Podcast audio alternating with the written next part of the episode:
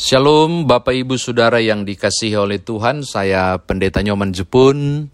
Saya mengajak saudara untuk membuka firman Tuhan Lukas pasal 10 ayat 38 sampai 42. Lukas pasal 10 ayat 38 hingga ayatnya yang ke 42. Sebelumnya mari berdoa. Kami mau mendengarkan firman-Mu Bapa. Tolonglah kami untuk memahami, mengerti Kekayaan firman Tuhan ini bukalah untuk kami, lalu biarlah roh kudus memampukan kami bukan hanya mendengar, memberitakan, tapi juga mengerjakannya demi Tuhan Yesus Juru Selamat. Amin.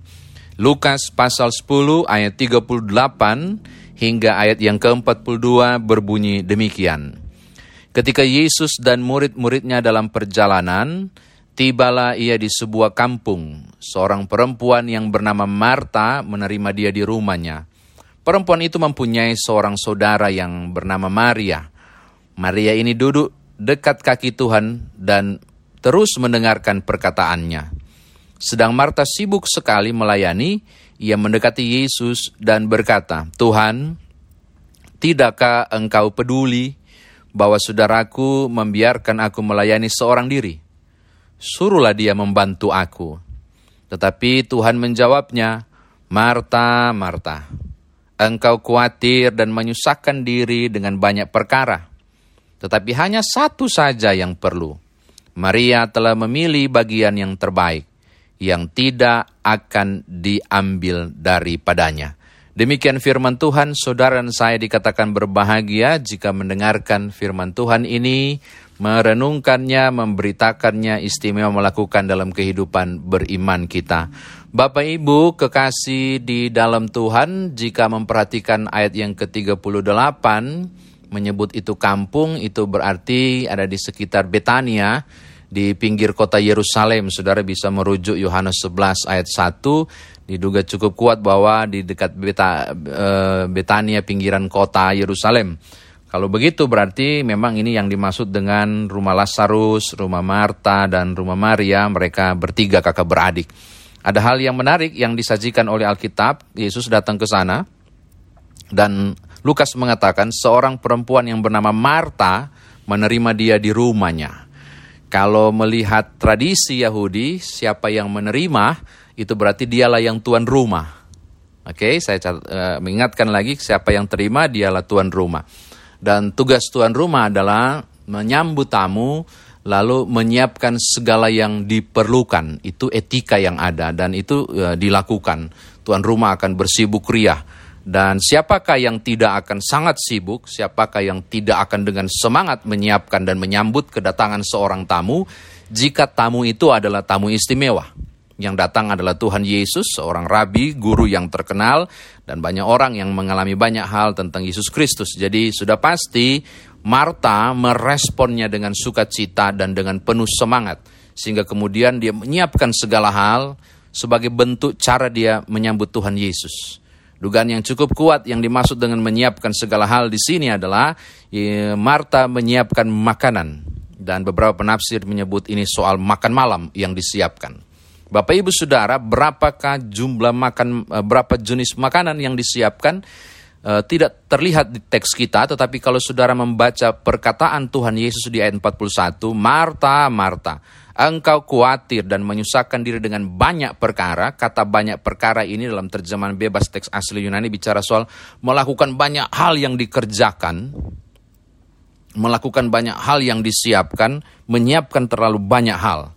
Ketika bahasa ini disampaikan diduga cukup kuat bahwa Marta menyajikan hal yang melebihi dari kebutuhan makan malam. Hmm. Ya iyalah, yang datang Yesus, maka kalau makan malam biasa yang disiapkan, oh itu rasanya kurang. Maka harus menyiapkan lebih, harus disajikan lebih dan lebih istimewa. Tidak heran, karena banyak yang disiapkan melebihi dari hal normal untuk makan malam, itu berarti Marta kewalahan.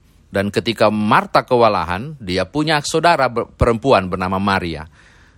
Logikanya, logisnya Maria membantu. Sampai pada titik ini seharusnya saudara paham bahwa yang dikeluhkan, yang dikeluhkan oleh Marta adalah dia tidak dapat bantuan dari Maria.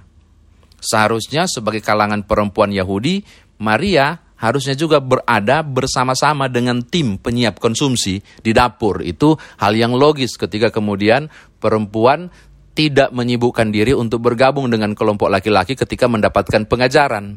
Sebenarnya yang dilakukan oleh Maria ini sesuatu yang tidak lasim, Bapak Ibu.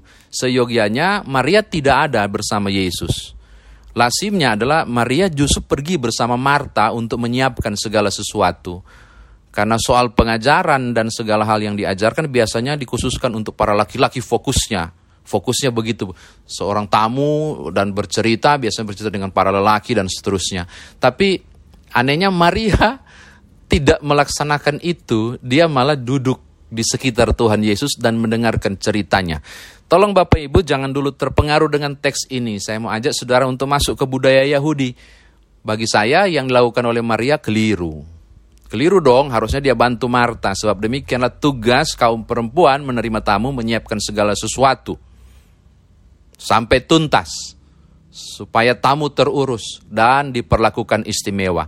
Jadi ketika Marta mengeluh pada ayatnya yang ke-40, dia mengeluh dengan nada yang sangat kasar. Tidakkah engkau peduli bahwa saudaraku membiarkan aku melayani seorang diri? Suruhlah dia membantu aku. Jadi uh, Marta marah. Ini tak ini urusan ini urusan bersama. Karena kita sama-sama harusnya ada di dapur, kau perempuan, sama-sama di dapur. Bukan kau sengaja meninggalkan dapur dan duduk berdiam-diam mendengarkan pengajaran. Jadi apa yang dikeluhkan oleh Marta adalah keluhan yang biasa. Keluhan yang lumrah, kita tidak menyebut dia salah. Bagi saya dia tidak salah. Lalu kenapa terkesan Yesus mempersalahkannya? Ayat 41 dan 42 memberi gambaran. Tetapi Tuhan menjawab, Marta, Marta, engkau khawatir dan menyusahkan diri dengan banyak perkara. Marta, Marta, seharusnya makan malam itu satu sajian saja. Kau terlalu repot dengan khawatir segala hal yang harus kau sajikan sehingga kau kelabakan. Marta, Marta, harusnya menunya ini doang. Tapi kau kemudian berpikir tentang hal yang lebih besar. Perkara-perkara yang besar kau sibukkan. Kau tumpuk semua hal.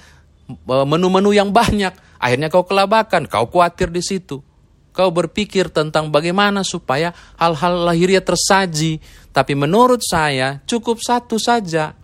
Dan satu yang istimewa itu dilakukan oleh Maria, yaitu mendengarkan firman. Jadi kalau saudara baca ayat 41 dan 42 dalam konteks budaya Yahudi dan berpikir tentang penyajian, kesalahan Marta cuma satu. Dia menyiapkan berlebihan. Ketika dia menyiapkan berlebihan, dia kehilangan sesuatu yang besar. Apa itu? Mendengarkan apa yang dikatakan oleh Tuhan Yesus di rumahnya. Ini kan persoalan. Yesus datang bukan cuma untuk makan, Yesus datang untuk mengajarkan. Marta fokus bagaimana kemudian memberi makan Yesus. Marta lupa ada du ada dua hal yang Yesus perlu diperlakukan di situ, yaitu dia akan menerima makanan, tapi dia juga akan memberikan sesuatu, yaitu pengajaran. Ketika dia sibuk fokus pada hal yang satu dan mengistimewakan yang satu, dia gagal pada hal yang lain, yaitu pada mendengarkan firman Tuhan. Ini menarik Bapak Ibu. Terlalu sibuk hal-hal yang lebih besar, padahal hal-hal yang lain juga perlu diperhatikan. Hal yang lain itu adalah mendengarkan firman Tuhan. Saya kira demikian firman Tuhan ditafsirkan bagi saudara. Nah sekarang bagaimana kita bawa dalam kehidupan beriman kita? Tolong buka Yohanes 6 ayat 27. Mengapa saya mengajak saudara membuka Yohanes 6 ayat 27? Karena ini mirip dengan ayat 42 bacaan kita. Bekerjalah bukan untuk makanan yang dapat binasa, melainkan untuk makanan yang bertahan sampai kepada hidup kekal, yang akan diberikan anak manusia kepadamu. Sebab dialah yang disahkan oleh Bapa Allah dengan meterainya. Tidak masalah menyiapkan makanan untuk Yesus. Tapi ketika menyiapkan terlalu berlebihan, dia tidak punya waktu untuk jenis makanan yang lain. Makanan yang lain itu adalah makanan rohani. Ketika dia sibuk terus-menerus untuk hal-hal makanan jasmani dan berlebihan untuk itu, dia tidak punya waktu untuk makanan rohani. Ini kekurangan Marta ketika membagi waktu yang tepat. Maka hal pertama saya mau katakan begini kepada Bapak Ibu. Tidak salah saudara menyiapkan segala kebutuhan-kebutuhan lahiria dan jasmani saudara disimbolkan dengan menyiapkan makanan. Tapi saudara juga harus punya waktu. Seperti Maria menyisikan waktu untuk kemudian mendengarkan firman Tuhan. Saya mau bilang ketika Marta dan Maria ini digabung, ini ideal. Menyiap waktu untuk menyiapkan makanan jasmani, versi Marta. Digabung dengan menyiapkan makanan rohani, versi Maria maka idealnya kehidupan beriman saudara dan saya ada pada titik itu.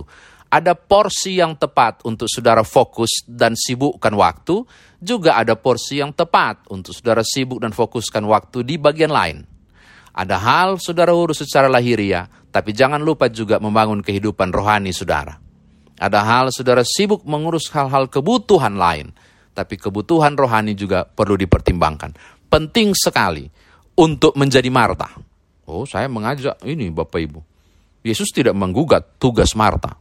Tugas berlebihan Marta yang digugat oleh Yesus. Maka saya mau katakan, saudara perlu menjadi Marta. Menyiapkan seluruh kebutuhan rohani saudara. Tapi jangan lupa, saudara juga perlu untuk menjadi Maria. Yaitu menyiapkan kehidupan rohani saudara. Dengan berada di sekitar firman Tuhan. Kesibukan ini harus diimbangkan kebutuhan jasmani maupun kebutuhan rohani. Terakhir Bapak Ibu, ini juga tidak kalah penting. Ketika kehidupan orang percaya ada pada bagian saya mau pilih yang mana. Suatu saat saudara akan buat pilihan, maka Yohanes pasal 6 ayat 27 menuntun saudara. Siapkanlah makanan-makanan untuk kekekalan. Bukan makanan-makanan yang dapat diambil dan cepat habis Ayat 42 malah bilang, Maria telah memilih bagian yang terbaik, yang tidak akan diambil daripadanya. Lalu Yohanes pasal 6 ayat 27 menyebut, makanan-makanan yang dimaksud adalah yang tidak dapat diambil adalah hal yang rohani.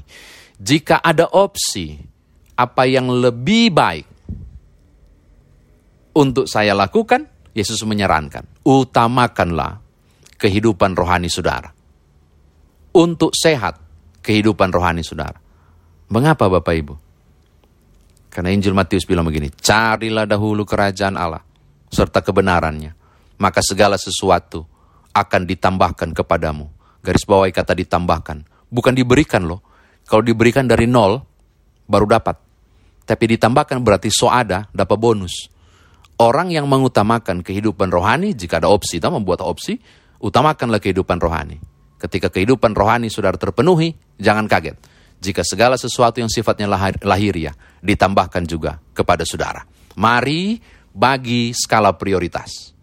Kehidupan jasmani harus terpenuhi.